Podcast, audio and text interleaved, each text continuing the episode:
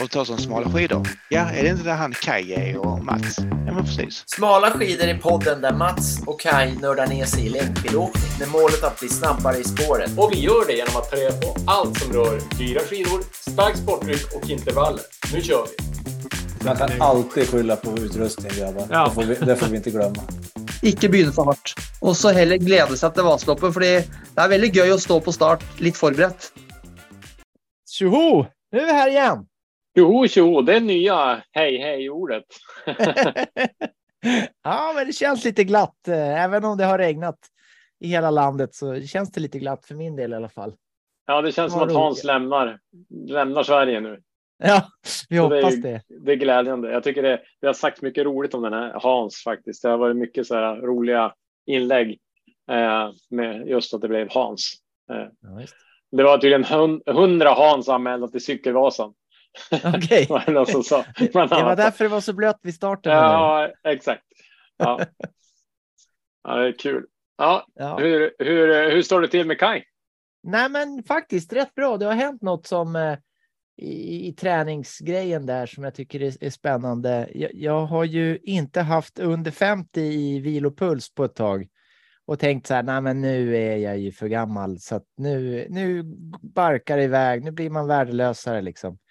Men jag har haft under 50 i vilopuls och på både dagtid och, sovtid. eh, Så att jag kanske, jag vet inte, kanske börjar Ja. komma i form. Det, det, det, det här gnetandet kanske ger lite resultat. Att- Ja, det är ju, ja, men det är ju super. Ja. Det, det är ju, du har ju långt till eliten, men eh, det, man ska ju glädjas åt det lilla och vi har ju olika, vi är olika funtade med våra pulser också. Så Ja, eh, det är ju verkligen, det är svårt att jämföra sig. Min sambo, Mm. hon är ju tio år äldre än mig och hon har så här 36 i vilopuls. Så om jag jämför med Mm. henne, då är jag liksom, då är jag helt värdelös. Så det Mm. får jag inte göra. Utan, Nej, Nej men men- eh, det är ju superbra att få en sänkning där. Jag, jag, jag har stått ganska still, men jag är också lågt. Eh, så att jag, eh, ja. Det, jag ska inte det, jämföra med dig då. Nej, det ska du inte göra. Nej. Annars blir det dålig stämning. Ja. Nej, men det är en bra det- jämförelse med sig själv. Jag, vi har egentligen inte pratat så mycket vilopuls. Det hade kul, eh, kunnat vara kul att nörda ner sig också.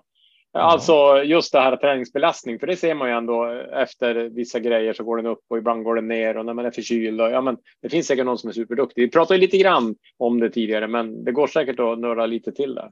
Ja, ja men nö- nördkontot är, aldrig för fullt. Det kan man Nej. alltid fylla på. Nej. Men du, eh, när du då har sänkt pulsen, då är jag nyfiken på hur träningsreflektionen eh, är. Hur, hur, har, hur, har, hur har det tränats? Har du fyllt Nej, men det, timmar? är och- drygt, å- det är drygt åtta timmar och det har funnits eh, något eh, längre pass, eh, längre då tre timmar och sånt där, eller längre. Och då kan det vara cykel eller jag var inåt land och jobbade så då var vi, körde vi någon mountainbikebana jag och min sambo. Vi tog med oss cyklarna eh, Mm. i Lycksele där. Det var trevligt. Det kom ju Mm. lite regn då, men det var ju. Eh, ja, det var väldigt trevligt. Och Mm. sen eh, kör jag ju skate och, Mm. eh, och stakning om vartannat. Typ nästan varannan pass så att jag kan liksom. Eh, och det, det är roligt för på skate då är, går ju, då är det ju högre puls. För man använder ju mer av kroppen. Men det Mm. är kul när man är ute och stakar. Liksom, eh, och att den, man ligger där rätt så lågt i jämförelse med skaten. Det är som att ja, men det kanske kommer att bli bra det här inför Vasan. Ja, men det är coolt. Jag, jag, jag, jag, är lite avundsjuk på, på de, passen vi kör med liv också. Ni verkar som ha ett bra samspel i hur ni lägger upp passen och så där. Tycker jag eh, verkar vara en grym. Ja, skid. Vi har ju många par rullskidor. eh, För förut så tänkte vi alltid att nej, men vi delar på treorna och vi delar Mm. på det ena. Men nu är det så här. Nu, nu har precis kommit ett, ett paket från rullskids-Patrik. eh, Min, min sambo ville ha egna skateskidor mm. tvåor nu så att ja. Nej, men vi kör lite eh, olika och så lägger man upp det så att jag får jaga henne och sen så får hon eh, hålla undan liksom och så har vi olika motstånd och, och beroende på eh, hur vi mår och så där. Så att nej, det är roligt. Hon fick maxpuls, tror jag hon fick högsta pulsen hon haft på länge bara för att hålla undan liksom och, och det går ju lätt rätt på rött så att eh, man kanske ska hålla igen lite grann. Men, men roligt är det i alla fall. Det är otroligt bra det här med rullmotstånd. Man har inte tänkt så mycket på det, men det är ju jättebra. Det är lite som handikapp i golf typ. Alltså, det gör ju att man kan göra sig ihop. Jag, jag tänkte också på jag vet inte var jag hörde det, men, men eh, just hur, hur skidåkarna blir bättre och bättre. Så Erik Wikström hade tydligen sagt, typ när han hade fått sina första fyror, att han hade som mål att hålla över snitt 20 kilometer i timmen. Och att det var svårt med fyror.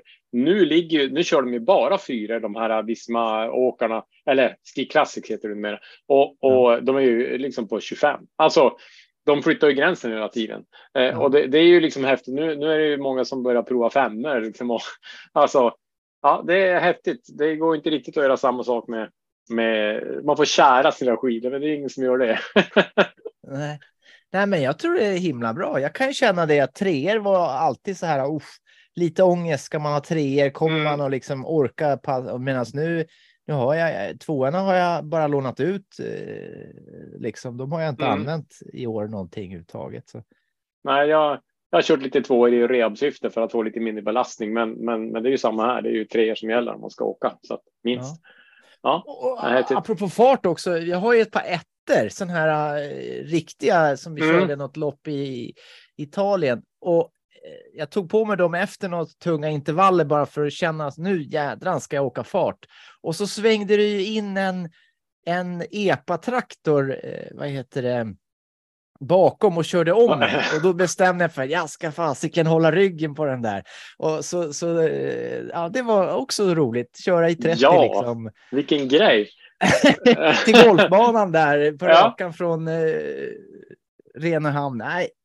Nej, men eh, jag gillar det här när man busar lite. Det, det har blivit lite sånt så att eh, det är roligt. Ja, ja men grymt. Ja, de där vill man ju låna och köra, köra, köra om någon epa. Det är ju lite drömmigt ändå. ja, ja, det är jätteroligt. Ända tills det kommer en tvär backe, för de går ja. ju fort i kurvan. Alltså. Ja, ja. det gäller att hitta rätt väg, så att ja. säga. Ja, men eh, hur, hur, går det för dig då? Om vi kastar över bollen till Ja, nej men ja, vissa dagar känner man sig odödlig och andra dagar så, så vi har ju lite rehab-tema på dagens avsnitt och eh, jag är ju in, lite grann inne i det. Men det roliga som har hänt och som är det är ju då dels precis som för dig. Jag har ju fått mina egna skate 2 nu från Rullskidcenter och eh, var och åkte igår. Åkte lite grann med din fru, eller Fjälla i alla fall, Liv. Ja. och eh, nej, men det är kul. Alltså, det blir andra muskler och man tänker på annat och det är det är också ganska tydligt med de här växlarna tycker jag är roligt med, med skate, alltså som man inte riktigt har i stak. Alltså man har ju växlar, men ja, men det, det, det är utmanande och kul. Så jag tycker också precis som du att det är. Det ger någonting. Men sen den stora grejen för mig har ju varit då eh, cykelvasan. Och eh, vi åkte ju den i fredags då, öppet spår. Så att det, det, har varit träningsfokuset i och med att jag då har haft revbenet också så har jag cyklat mycket. Och det är ju, jag ser också, jag har ju lite pro-training eh, kompisar på sociala medier och ja, men, det är ganska många som cyklar på sommaren ändå. Så jag tänker att jag ska, jag ska dra en liten race report från Cykelvasan.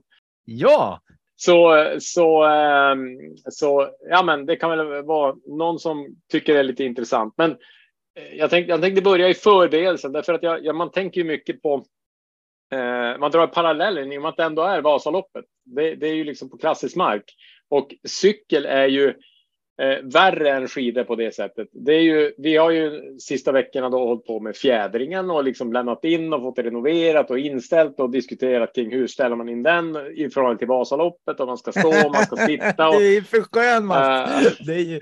äh, och så sen då förra veckan då, då pratade jag med en kille som då har ja, men åkt på typ tre timmar så han är superduktig och då säger jag att du måste dreva upp då så att den går tyngre för att eh, du ska liksom kunna åka snabbt. Ja, då börjar jag ju läsa på om drev och ringer olika personer, beställer drev och då måste jag ju testa. Så jag har ju drevat om cykeln lite grann. Eh, och så är det liksom vilket smörjmedel ska man ha på kedjan? Man kan inte ha vanlig olja för det är blött. Ja, men då måste man ha vax. Hur gör man det? Och så liksom däcken, vilket rullmotstånd, vilket, eh, vilket eh, lufttryck ska du ha för att den ska rulla bra och så lära sig hur det funkar. Så det är en helt ny värld med, med massor med, med prylar och teknik som jag ändå gillar. Man ser ögonen på dig, du är helt salig. Ja, nej, men det är roligt. Det är roligt, men det är ju dyrt också. Alltså cykel är ju svindyrt när man börjar pilla i den, men, men roligt. Och Eh, också energi är ju precis som Vasaloppet. Fundera på. Jag har faktiskt haft eh, vårat koxabälte, det här race koxabältet eh, med slang och det är inte så många som har det, men jag tycker det var helt suveränt när man cyklar att kunna ha händerna på styret hela tiden. eh, och slippa liksom hålla på med flaskan. Så att jag, eh, ja, men jag, jag, jag hade en energiplan som funkade perfekt. Jag hade sex gels som jag tog en vid varje station och, och ja, men det var, det var, där har man lärt sig från Vasaloppet. Om vi då ska ta ja, resan. Vi, vi, eh, vi gjorde en bra grej. Vi hade alla cyklarna i bilen. Eh, vi monterade lös framdäcket, satt dem i husvagnen och så hade vi cyklarna i bilen. Så det var ju bra för det regnade mycket. Hans var ju på G i hela Sverige eh, rätt hårt. Men eh, det som är nytt då på Vasaloppet, det är ju att de kör startbacken som vi kör på skidor. Och den har jag aldrig varit tidigare, det är första året. Så det var ju lite så här nervöst om man skulle klara den och så där. Så kvällen före då var vi och provade startbacken då. Och ja, men det gick som ändå skapligt bra. Men det var ju också så här, så ser den ut så här på sommaren? Är den så här smal och liksom kommer den här ut? Det, det blir ett helt annat perspektiv. Så ganska kul att vara där på sommaren. Sen var vi Li, Lindvallen, heter det. det är ju som hjärtat av Sälen, en jättestor anläggning. Och då var Ahlsell där och då skulle man gissa hur länge man skulle åka. Alltså vilken tid och så kunde man vinna priser. Eh, och jag gissade då 4.09.45 baserat på att det skulle vara blött och det var lite längre än vanligt och 97 kilometer var det. Och eh, så det, det, ska vi ha med oss i min rapport här nu då. Eh, men, men det var lite kul sådär. Men i alla fall så vi, vi är där tidigt för jag har ju Thomas med mig och han vill ju gärna vara tidig på plats. Han är ju ordning och reda, löning på fredag. Eh, så att vi var ju först i startled 5 då.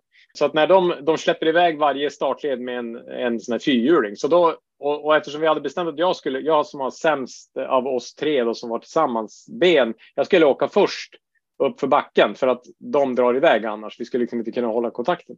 Så mm. jag, jag ligger ju då bakom den här och det visar sig att vi är väl de starkaste åkarna i det startledet, för vi hade ändå sidat oss lite försiktigt. Så att jag är ju först, eh, första åkaren i ja, men upp för hela backen och även ganska länge liksom. Och det var ganska coolt att liksom ha alla du människor bakom sig. Du låg i täten och drog. Jag låg i alltså. täten. tills, tills då det blev eh, snabbare. Då, då, det var ju bestämt att Thomas och Noah skulle dra så att jag låg hela tiden i mitten så jag hade superbra resa på det okay. sättet. Men det var lite fränt att ligga först upp för backen. Det har man ju drömt om eh, på något sätt. Var det någon att... helikopter eller, eller var nej, det här bara något som vi får lita på? Ja, ja nej, det var ingen helikopter, men det var, det ganska många från, från uh, bättre startled som gick i backen. Så att det var, uh, det var, det var ju också lite mäktigt. Att, men var det liksom dem. vatten som rann i, ner för backen? Eller hur, nej, det var, det var lite lerigt på sina ställen, men de hade, de hade gjort ett otroligt jobb. De hade grusat hela backen kvällen före och bultat den med en stor sån här vägbult. Okay. Eh, så att just där hade de gjort riktigt bra. Men annars var ju alla typer av underlag. Det var ju skogsvägar med grus, det var stigar, det var sjöar man körde genom. Det var en halv meter djupt på vissa ställen. Alltså det var lera, det var eh, sand, det var gräs, det var eh, ja, pölar och allt möjligt. Så att det var ibland gick det fort och ibland gick det sakta. Sådär. Mm. Eh, men Ja, så vi åker det här och det är roligt och det går fort. Vi stannar inte i någon kontroll utan vi åker bara gasen i botten. Eh, när det är fem kilometer kvar, då tittar jag på klockan och säger så här 3.57 och så börjar man räkna så här. Kan jag ta 4.09.45? Är det möjligt på 13 minuter? Ja, jag tänker det, det kan ju faktiskt gå. Så, och så är det ju fem kilometer och på cykel, de här små guppen som är i slutet, de är ju, de är ju väldigt lätt att ta med cykel jämfört med skidor när man är trött. Så det går ju, det går ju fort sista fem kilometer. Det går ju fort även om man åker skidor. Så det har jag sett på. Eh, och eh, det blir någon typ, alltså där när man duschar Vasaloppet är det en riktig sjö, alltså superdjupt som åker igenom. Den hade de fixat i Vasa, men det var, det var lite spännande som man inte ramlade i värsta sjön på slutet. Men vi spurtade i alla fall och jag går då in på 4.09.57. Så 12 sekunder från gissningen. Okej. Okay. Men eh, vann du något då? Nej, jo, jag vinner någonting. Jag kom på fjärde plats i gissningstävlingen här, så att eh, någon överraskning från Ahlsell. Det blir väl en kaffekopp eller någonting, men, men ändå lite kul. att vinna någonting. Däremot... Upp först för backen och så får du pris. Alltså, ja, det precis. låter himla bra det här Mats. Ja, nej men 147 eh, plats då blev det på, eh, på ja, de 3000 startarna det var. Så det känns ju ändå rätt bra. Så vi får väl se, men det, vi tror väl att vi kanske åker Cykelvasan, alltså den riktiga då nästa år. Och då tänker jag att du kan ju hänga med Kaj, kanske. Ja, vi får se vad som händer nästa år. Men eh, det låter ju väldigt, väldigt, attraktivt när du lägger upp det så här. Ja, nej, men det, det är kul. Och det är ju inte, man är ju inte lika sliten som efter skidor. Eh, om man säger så. Alltså, du, du, du har inte ont eh, någonstans på samma sätt. Eh, utan det är ju som cykel är ju skonsammare. Lite skitigare, ja. Sen någonting, det mest, eh, vad ska jag säga, den största eh, ja, men mindblower eller vad man ska säga. Alltså, vi åker ju på asfalt ibland i 40-50 kilometer i timmen. Vi åker ju allt vi kan på grusvägar. Vi åker ju, man åker ändå snabbt på en cykel. Det går 23, någonting i, i snitt, 23,4 eller någonting i snitt på de här 97 kilometerna. Då inser man att Emil Persson och grabbarna, de har åkt på 3.30 Vasaloppet. Ja. Det är ju sjukt. Alltså, man för, alltså, förstår du hur fort de åker skidor? Jag har inte förstått det. Men alltså, om du tänker att du cyklar allt du har och åker på över fyra timmar. Och de Ja. åker skidor snabbt. Nu är det lite kortare, men alltså ändå otroligt så fort man kan åka skidor. Ja, man måste ha en el, el, elcykel för att hå- hålla deras tempo. Alltså. Ja, 25 kilometer räcker inte. Alltså som en elcykel går. Alltså, det, du måste ha en moped som går 45. Nej, men alltså. Nej, men, Ja, men det är väl ett bra kvitto på att ja. vi inte riktigt är i samma liga, men, men eh, vi håller skenet uppe och, och gör vårt bästa för att se snabba ut på parkeringen i alla fall. Ja, exakt. Nej, men vi är ju, vi är ju alltså, man får ju ändå lite känslan som jag tänker att de har när de åker. Alltså att när det går så där fort. Alltså, det måste ju vara grymt kul att åka skidor på den nivån. När man liksom har den farten. Eh, Ett Vasalopp är ju liksom bara, det går ju på ett kick. Ja, då, då förstår man. Då förstår man hur livet som sk- elitskidåkare kan vara, att man färdas omkring och åker lopp efter lopp och här, liksom helg efter helg. Och, Ja, nej, men eh, häftigt. Men om vi ska, ska vi prata lite skidor? Eh, ja, men det är ju Eh, smala skidor heter podden, så Ja. det passar ju bra. Smal, tjo- tjo- tjocka cykeldäck får vara en, en podd som jag driver på sidan om. Ja. Ja, innan vi släpper det här med cykel. Jag känner mig orolig för när man hör den där eh, mängden material att man ska lära sig och styra upp. Det blir liksom ytterligare något eh, projekt då, men eh, Mm. Ja, nej, men jag, jag tror att jag, jag är ju alltid lite grann. Eh, du ska alltid vara värst. Ja, ja, nej, ja, inte så, men eh, även.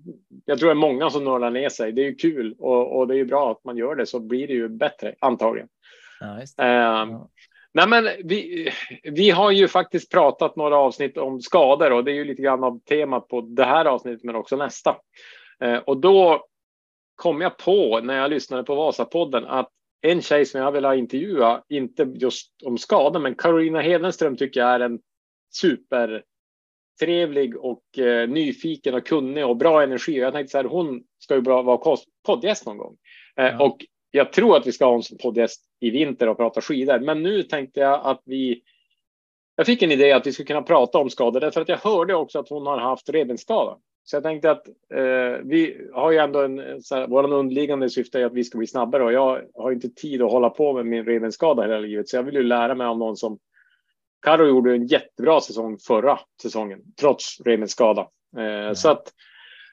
Eh, jag, jag, jag har gjort en Du intervju tänkte om att du henne. ska gena med hjälp av elitåkare här på Ja. rehabfronten alltså. Ja, Det är alltså inte det dumt ju, inte. fördelen av att ha en podd är att man kan ringa vem som helst och säga att vi har en podd. Vill du vara med? Och de flesta tackar ja. Eh, ja, det är fint. skidor, världens bästa skidpodd. Ja, men, och, och det är ju. Har man haft eh, ja, men, eh, sådana som Emil Persson, Anders Aukland och, och andra st- storheter i podden så känns det som att om eh, då kanske inte Carolina tackar nej. Lite, lite så. Ja, så att det är kul. Men jag, jag tänker att vi kan väl lyssna till vårt samtal och sen så kan vi ja, bara reflektera lite över det. Eller vad, vad, vad tror du? Har du något mer att tillägga kring eller?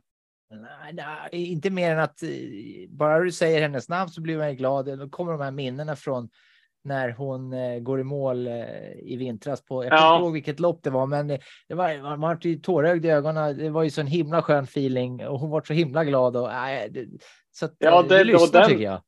Den, den, den filmen finns ju. Jag filmade ju av tvn. Den finns ju som en händelse på våran Instagram så man kan se den och bli glad om man, om man har en dålig dag. Ja, precis. Eh, så att, men eh, ja, men vi tar och lyssnar. Ja. Då hälsar jag Carolina Hedenström välkommen till podden Smala skidor. Ja, Välkommen! men hjärtligt tack. Tack, tack. Kul att ha dig här. Vi, vi, jag och Kai har ju ändå inspirerats lite grann av din skidåkning förra säsongen. Speciellt, vi har ett klipp på våran eh, sajt där du, när du tar din andra plats där i är det Diagonera eller? Eh, Gisärska. Är det, just det. Och jag brukar titta på den ibland, man blir så otroligt glad. Så det är, du är en inspiration för oss. Men i dagens avsnitt så pratar vi rehab och då snubblade jag över eh, ditt namn när jag lyssnade på Vasapodden och att du hade haft en revbensskada, vilket jag också har. Så jag tänkte få ställa lite frågor kring hur du har tänkt när du har haft skada och så. Men, men först, de flesta tror jag känner till dig, men du kan ge en kort introduktion till vem du är och vart, vart du är i, i livet, höll jag på att säga. Ja, men tusen tack för de fina orden. Det är alltid kul när eh, idrotten kan inspirera andra. Är, man tänker inte så långt när man är, när man är i det själv, liksom. men, men det är häftigt när man, när man får göra intryck. Eh, så det, det tackar jag för. Eh, Mm. Väldigt snällt. Nej, men, eh, jag åker i lag 157 då, eh, så en del av ett eh, av de starkaste svenska och ja, största teamen i Ski Classics sen ja, på riktigt kan man säga sedan ett år tillbaks Ehm, och kommer vara med minst, minst två år till. Och där trivs jag super. Så eh, har ju några riktigt starka lagkompisar. En som kanske utskiljer sig lite speciellt då. Eh, Mm. den förra, föregående säsongen. Och sen eh, parallellt med min skidsatsning så har jag också läst idrottsvetenskapliga programmet i, här i Östersund på Mittuniversitetet.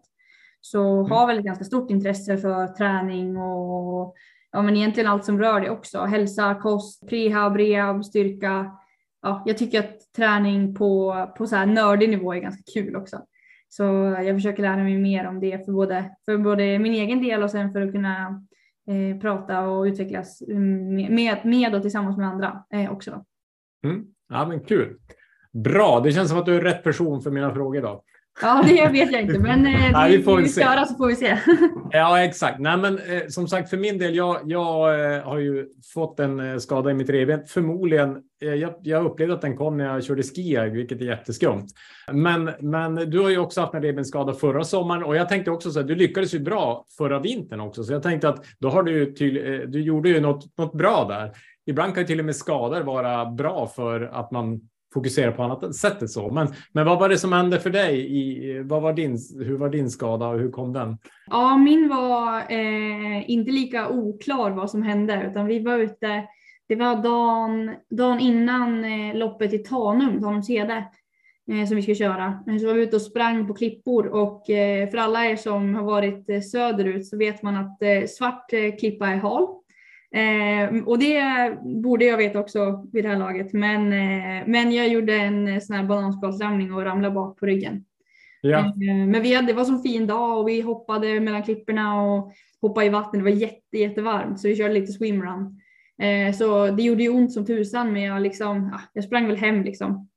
Eh, och så käkade vi lite lunch och så kände jag så här, ah, fan det här är nog inte så jävla bra. Eh, men tänkte att ja, ett blåmärke gör ju ont liksom. Så att, eh, stack ut på rullskidor också på eftermiddagen.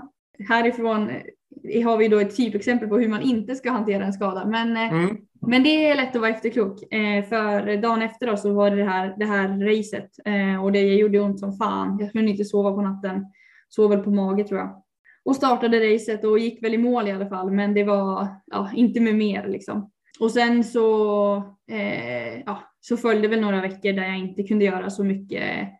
Eh, ja, ingen stakträning då och väldigt mycket alternativ träning. Så, och jag fick, gjorde ju aldrig någon röntgen eller så. Men, men jag skulle gissa att jag hade en spricka i alla fall. Ja. Mm. Men hur, eh, hur, jag tänker eh, alternativa träningen, vad, vad försökte du liksom att inte använda över kroppen då eller typ cykling? Och... Ja, ja, precis. Alltså, eh, det är lite klurigt med revbensskador beroende på vilket revben det sitter på, om det är fram eller bak eller på sidan. Och hur mycket, man är ganska känslig på revbenen som man känner. Känner man själv på revbenen eller framförallt om någon annan känner på revbenen så har man väldigt mycket muskler och väldigt mycket känsel emellan också. Och så mycket stora delar av eh, andnings, alltså interna eh, bukmuskulaturen sitter också mellan revbenen så att många upplever det smärtsamt att, att ventilera också. Så att man, eh, de allra flesta skulle jag säga blir så här att man vill gärna sitta helt rakt. Eh, cykel är typ det enda som funkar, kanske sittande i så fall. Mm. Eh, Och man vill inte köra några intervaller helst heller. Eh, Så det är lite klurigt så hur man ska få till det. Men i ett första läge med skador, och det är väl egentligen generellt, det är ju att man inte gör som jag gjorde då. Eh, utan det är att man eh, av, avbryter passet där man är. För du har, inget att, Mm. du har inget att vinna på att göra klart det passet du håller på med. Så åker man hem och så tar man ingen värktablett det första man gör utan man känner hur det, hur det fortskrider och så, och så vilar man kanske dagen, den dagen i alla fall och ser hur det går dagen efter. Och har det blivit sämre till dess då får man hitta något alternativ redan då. Ehm, Mm. så hellre liksom bryta en vecka och känna att, eh, att det blir bra på en vecka eh, än att man blir skadad över en längre tid. Liksom. Ehm, så det är väl sådana saker som man kan vara efter, lite efterklok på och, och lära sig och ta vidare. Liksom. Mm. Men hur, hur länge tog det innan du kunde staka igen? Kanske helt tillbaks, kanske en och en halv månad. Mm. Mm. Ehm, Men och när då var det du, liksom ingen, ingen belastning alls i gymmet eller så heller. nej. Men när du, när du sen, vad var det här för tid på året ungefär? Mm, men ganska precis det vi är i nu, någonstans mitten, Ja, okej. mitten av augusti. Ja. Ja, men, men jag tänker så här, kände du dig stressad av, det, det gör man kanske alltid, men så här, lyckades du hålla, jag tänker ändå att du ja, men kom, fick ju en stark säsong ändå, så att det måste ju ändå ha funkat hyfsat, men du kanske hade så pass mycket träning att du klarade av det tappet, eller hur, hur har du själv tänkt kring det där? Ja, ehm, alltså skador, skador händer ju alla, precis som att alla blir sjuka och förkylda någon gång så, så, så är det ju en, en period som man måste ta sig igenom. Så att eh, oavsett, eh, jag tror att är man, är man elitåkare så blir man stressad när man får en skada. Mm, Så då ser man det mm. man tappar och inte det man, har, inte det man eh, kan utveckla, om man säger så. Mm. Eh, och det är väl det som jag har blivit lite, för jag hade knäskada för två år sedan också. Eh, och den tog längre tid att att komma över. Liksom. Och det man ser med skador och som, som många pratar om det är att många blir, som du sa, att många blir starkare när de har haft en skada. Mm. Eh, och jag har väl någon teori om att dels kanske man släpper pressen lite på sig själv. Att man är så här, ja men nu har jag haft en skada, det, eh, nu får jag bara göra det bästa av det. Mm. Men också att man tar, verkligen tar tillfälle och så här, okej, okay, skriver nästan en lista. Det gjorde, gjorde vi ofta hos eh, fysion som jag hade praktik hos. Att man skriver en lista, okej okay, de här tre sakerna, det går inte att göra just nu. Överkroppsstyrka, stakning och löpning, det funkar inte för mig liksom. Mm. Eh, och sen skriver man en lista på andra sidan att så här, men de här tio sakerna, de kan jag göra och jobba på. Och då kan det vara allt ifrån, ja det kan vara simning, eh, kanske cykel, benstyrka kanske funkar. Eh, och sen alla andra bitar som ingår i att utvecklas som skidåkare. Man kanske kan kolla igenom sin nutritionsplaner, man kanske kan ta mental hjälp, så säga att det är rörlighet som är begränsande. Alltså prestation är ju så himla brett. Mm. Eh, så att då sätter man att sätta nya mål som man kanske inte hade kunnat eller som man prioriterar bort annars. Eh, Mm. Det tycker jag nästan är det bästa av med sig så att man känner att man är på väg framåt. För det är ju den strävan man har varje dag innan man kör sina stakintervaller eller, eller eh, vad man nu gör. Mm. Nej, men otroligt klokt. Eh, Te testade du förresten att skata någonting? Funkar det eller var det också svårt? Eller? Ja, väldigt mycket skate. Eh, väldigt Ja. mycket benskate. Mm. Det vart ju en ny utmaning. Hur många timmar kan man köra benskate? Jag var lite inspirerad av Linn Svan då, så Ja, det var en del, hel del fem timmars pass benskate. Man blev man ganska trött av det med till slut. Ja, jag, jag, jag har beställt ett par skate själv, så jag har väl tänkt testa. Jag har testat lite grann, men jag tycker det är svårt utan stavar, eh, alltså tekniskt sett. Men du har ju åkt mer skidor än mig, så att jag tänker att det är lättare. Men jag tycker jag vill som har stavar, men de, går- de går ju att jag behöver inte belasta så hårt på dem. Nej, exakt. Och det som är svårt är att hitta någon slags avslappningsfas i det. Att det är lätt att man blir ganska sittande i det. Eh, men Mm. man får ju använda armarna som att man åker med stavar. Då. Och så till slut så Mm. får man stegra, stegra tiden på passet. Att från början kanske 45 minuter är nog och sen, sen efter ett tag så blir man förvånad över hur hårt man kan köra för att man har vant sig. Mm. Men jag, jag, som jag förstår när jag pratar kort med Anton också, det är ju att oftast så det, det är många som han tyckte var fel. Det var att många inte tar det helt lugnt, bara en vecka, alltså just få det där utan att man kanske också stressar på med alternativ träning så att kroppen inte får återhämtning. Även om det inte är att man belastar musklerna så kanske man behöver vila. Har du Ja, liksom någon tanke där? Ja, men verkligen. Där får man väl lite se vart man är i säsongen. Skulle man, alltså nu i augusti, då har vi september, oktober, november, halva december innan det är första tävlingarna. Och Vasan är liksom ytterligare tre månader bort. Mm. Det är ju väldigt mycket tid i att, i att både eh, bli bättre och förstöra sin kropp såklart. Mm. Ehm, Så att eh, i augusti så hade jag varit min egen tränare eller liksom hade jag, hade jag fått göra om, då hade jag absolut breakat en vecka och, och så här, ja men lägg det på, alltså gör något annat liksom. Ja. Eh, och så låter du kroppen som du säger reparera och så, och så tar vi omtag eh, efter det. Ehm, men man är ju ivrig och vill framåt liksom så det är väldigt mycket lättare sagt än gjort. Mm. Nå- Några andra knep. Jag, jag, har ju, jag blir ju så här, man blir lite stressad och googlar och håller på. Jag tänkte på det här med kallbad. Är det något som du har hört om på din utbildning eller liksom eh, praktiserat eller så? Oj, ja.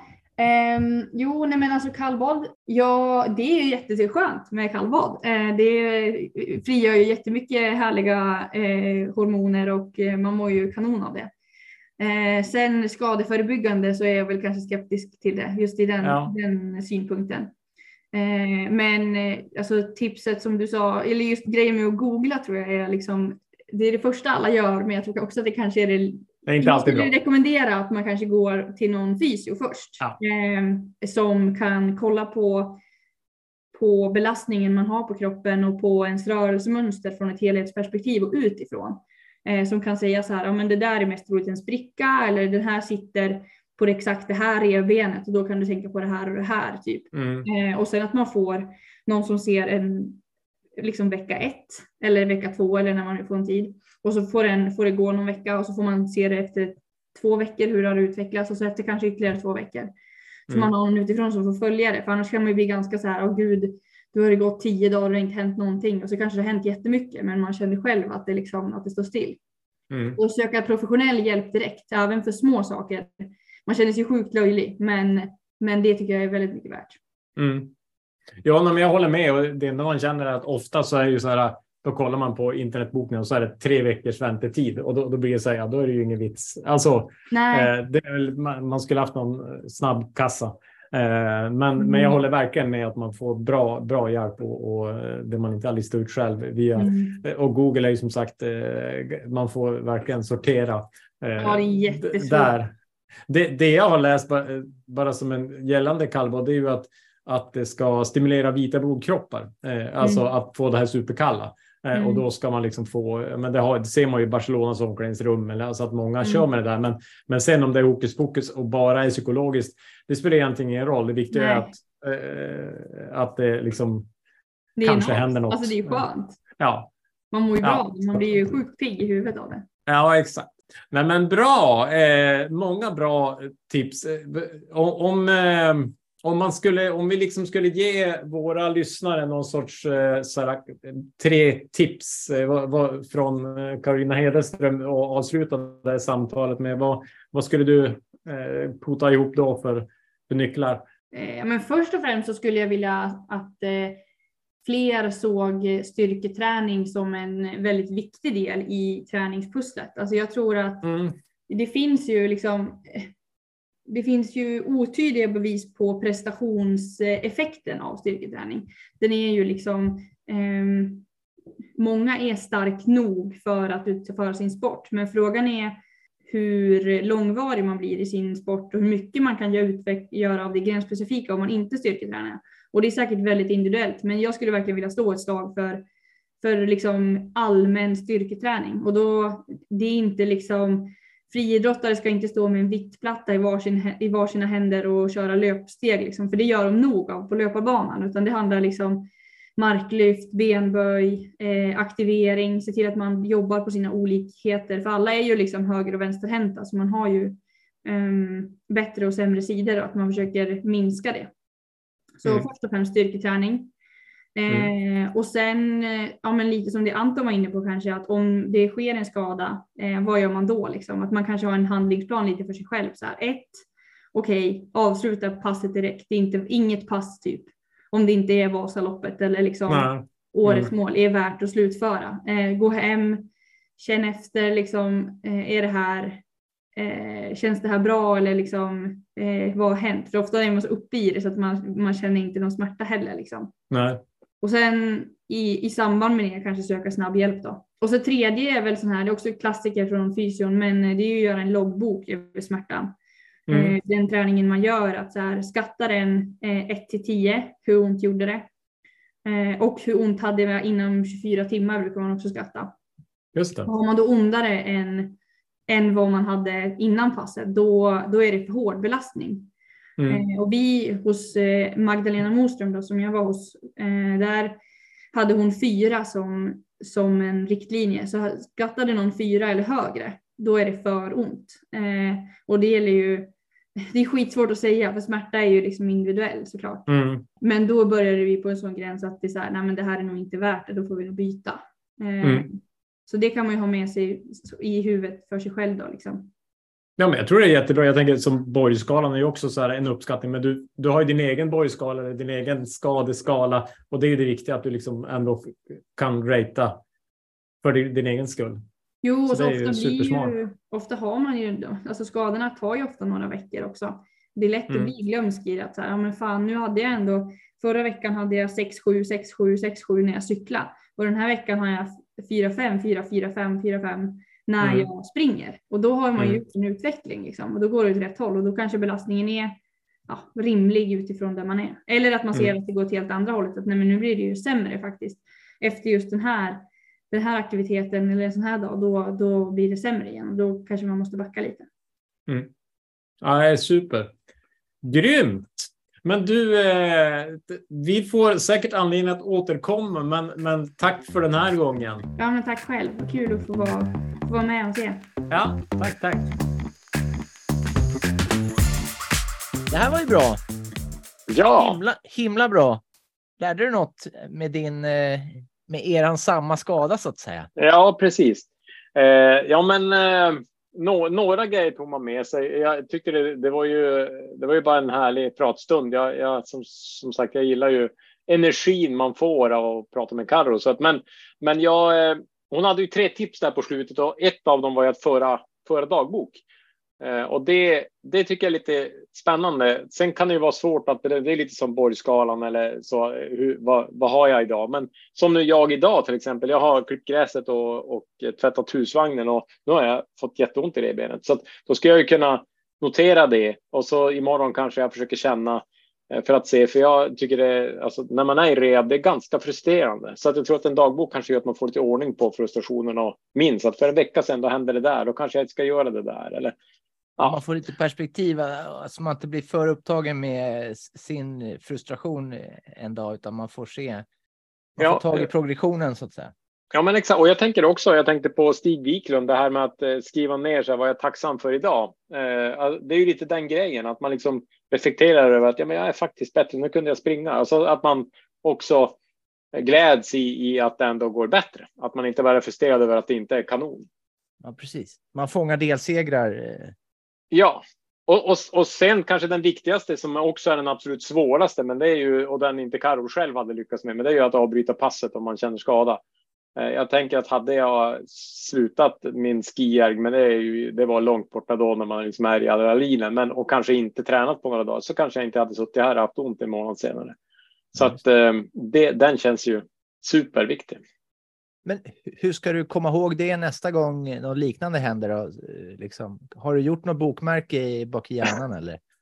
Ja, men jag tror ändå att nu, nu jag ju, får jag ju lära mig min läxa. Vi får ju se hur länge jag liksom får hålla på med det här revbenet. Det kanske fuckar hela säsongen. Jag vet ju. Så att Ja. eh, jag tror ändå att det, det kan ju vara en drivkraft att jag har fått svart på vitt att, att eh, jag inte kanske gjorde helt rätt. Möjligen. Ja, just. Men eh, jag, jag, jag vet ju, du, du har ju ett rykte om det, Kai. Vadå för rykte? Ja, nej, men jag, jag tänkte att du ändå eh, har eh, praktiserat det själv. Att bryta eh, pass Ja, menar du? Ja, Ja, men det- du, du gick ju, du gick ju mot Carros. Eh, Ja, det är det jag menar. Ska jag lyssna på det här? Hon, hon säger att man, man ska bryta träningspass, men jag har ju brutit Vasan när det är nio kilometer kvar. Ja, det är faktiskt en av de större skandalerna vi har här i smala skidor. Nej, men jag är faktiskt nöjd med det. Just, just Ja. den. Jag hade så vansinnigt ont i foten eh, och, och jag får ju inte, liksom, jag har ju annat att göra än att åka skidor så att eh, jag, jag hade svårt att gå eh, kanske flera dagar efteråt och det hade säkert blivit ännu värre. Så det är jag nöjd med, men, men inte när man lyssnar på Carro. Då skulle jag härdat ut. Ja, men det, det, där har du ju en viss skillnad också. Hon är ju professionell idrottare och du är professionell Wannabe-are. professionell människa i en annan bransch. Eh, så, så jag tänker att eh, du gjorde nog rätt och, och eh, Karo skulle nog ha kört på de där nio kilometerna och fått sina poäng och kanske vunnit ungdomströjan den säsongen eller vad hon nu hade för mål. Alltså, det är ju olika. Ja. Eh, alltså, vi har ju olika grejer i potten helt enkelt. Ja, visst. Ja, sen kan jag ju skryta. Jag har ju faktiskt bytt Vasan två gånger. En efter sex mil också för att jag hade eh, hjärtrusningar eh, och det är jag också rätt så nöjd med. Mm. Eh, Du, du är, kanske är. jag är en professionell brytare ja, nej, jag ser det inte som någon brytare, men, men, men två gånger Vasaloppet, det skulle nästan kunna ha en tischa på. Tredje gången gillt. Ja, exakt. Nej, nu, nu har du brutit färdigt. Ja. Ehm, Nej, men det är väl bara ett tecken på att jag i alla fall har varit kanske oförberedd eh, med den insatsen som jag ville ha. Och det känns Mm. ju som att eh, det är svårare att bryta nu eh, just på grund av att förberedelserna blivit bättre. Mm. Men och vi kan ju avslöja för våra lyssnare att det kommer ju en liten fortsättning på det här avsnittet eh, nästa, eller på två veckor. Med, eh, vi har pratat med Ville på Star som jobbar tillsammans med Stefan Thomsson bland annat. Och där tänker Och jag... ni som vi- inte vet vem Thomson är, då, då behöver man se på SVT och eh, landslaget när de åker. Det är ju en landslagstränare för Ja, landslaget. och- och Han är ju framförallt eh, deras tränare, men han, han får ju ofta uttala sig om skador och eftersom han är eh, också fysio. Ja, och, och ganska nördig på det också. Så att, eh, men duktig på sånt.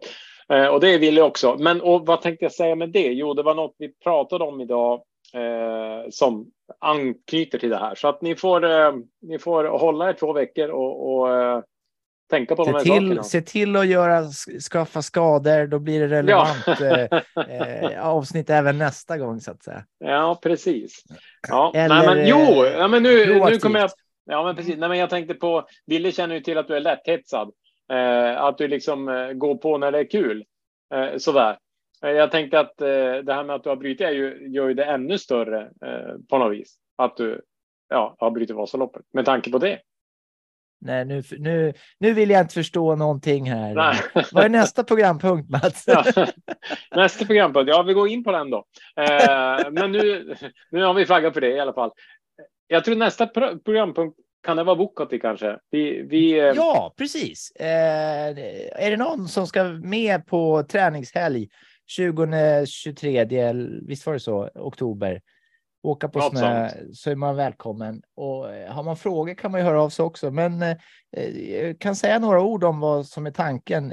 Det är att vi ska ta oss dit eh, och träna så mycket som vi vill eh, fredag, lördag, söndag. Och, eh, och umgås.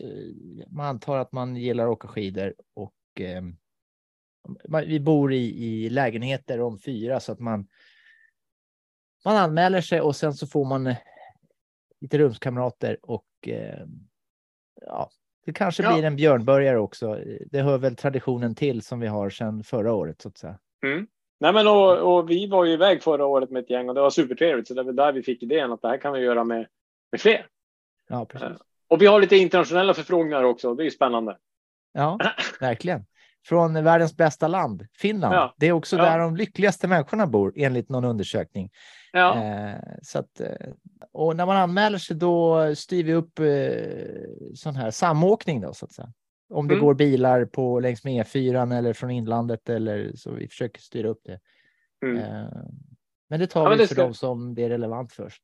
det ska bli kul och det är ju inte så långt borta. Alltså augusti, september. Det är typ två månader. Ja, visst. Eh, Och här pratar vi rullskidor. Och vi vill ha rullmotstånd. Hur ska det här sluta? Nu måste vi börja valla. ja, men man sandpapprar på snedden, då går de lite sämre. Ja, Jag har cyklat av eh, sex par skidor för, för några dagar sedan. Eh, och, Ja. och, Du börjar preppa inför lägret. alltså. ja, ja, absolut. Jag är på G. ja, det är bra. Ja. Du är proaktiv. Ja, verkligen. Nej, men eh, det kan vi, den storyn kan vi ta en annan gång. Men vi är väl rätt nöjda sådär. Eller hur? Eller hur? Eh, och, och fråga oss. Vi, det är ju bara att skicka meddelande på Instagram. Jag eller Kai svarar när vi ser det helt enkelt. Ja. ja, jag måste också erkänna det här med Instagram. Alltså, det var ju himla kul att göra de här filmerna och sånt där. Men att vara sån här eh, influencer, det måste ju vara världens jobbigaste, för det är asjobbigt att få till hela tiden. Så det var lite kul när jag så att eh, ni som eh, förväntar er att det ska komma massa filmer och, och kul sånt där. eh, Jag tror inte det. Det var ett, en impuls så att säga. Ja, ja, nej, men vi ska inte ge upp hoppet. Jag tänker att vi får reta varandra lite grann Kaj här. Men Ja. kanske inte på den nivån som vi satt upp där några veckor. Nej, det var väldigt hög nivå måste jag säga. Speciellt din. Fortfarande när man vill känna sig pepp, då slår man på liksom din, Ja. din video. Så känner Ja, man så våran här, Instagram kan vara en källa till glädje. Man kan en- antingen sätta på Karro eh, och se när hon sprudlar av glädje eller när jag leker Rocky eller när Kai försöker göra så enmans eh, eh, ap. Monkey press eller vad heter Ja, det? exakt. Ja. Ja, den är ju en stor Den har succé. fått jättemånga sådana här eh, tittningar på. Ja, Det kanske tittningar. skapas en ny trend bland skidåkare. Monkey press. Ja, Asjobbigt var det. Jag tänkte att vi kanske skulle gå på TikTok. Det kan den är en raket. Kanske vi hittar nya lyssnare där. Man vet aldrig. Nej, det ska vi inte göra. Ni hittar oss Ja, inte på TikTok. Nej, vi är bra på att pladdra i alla fall. Eh, Men Ja. ska vi försöka sätta punkt för idag eller? Vi gör det eh, och eh, så ses vi på några veckor. Ha det Ja, det bra vi. där ute och jag säger som jag brukar. Hoires! Ja, HRS säger vi.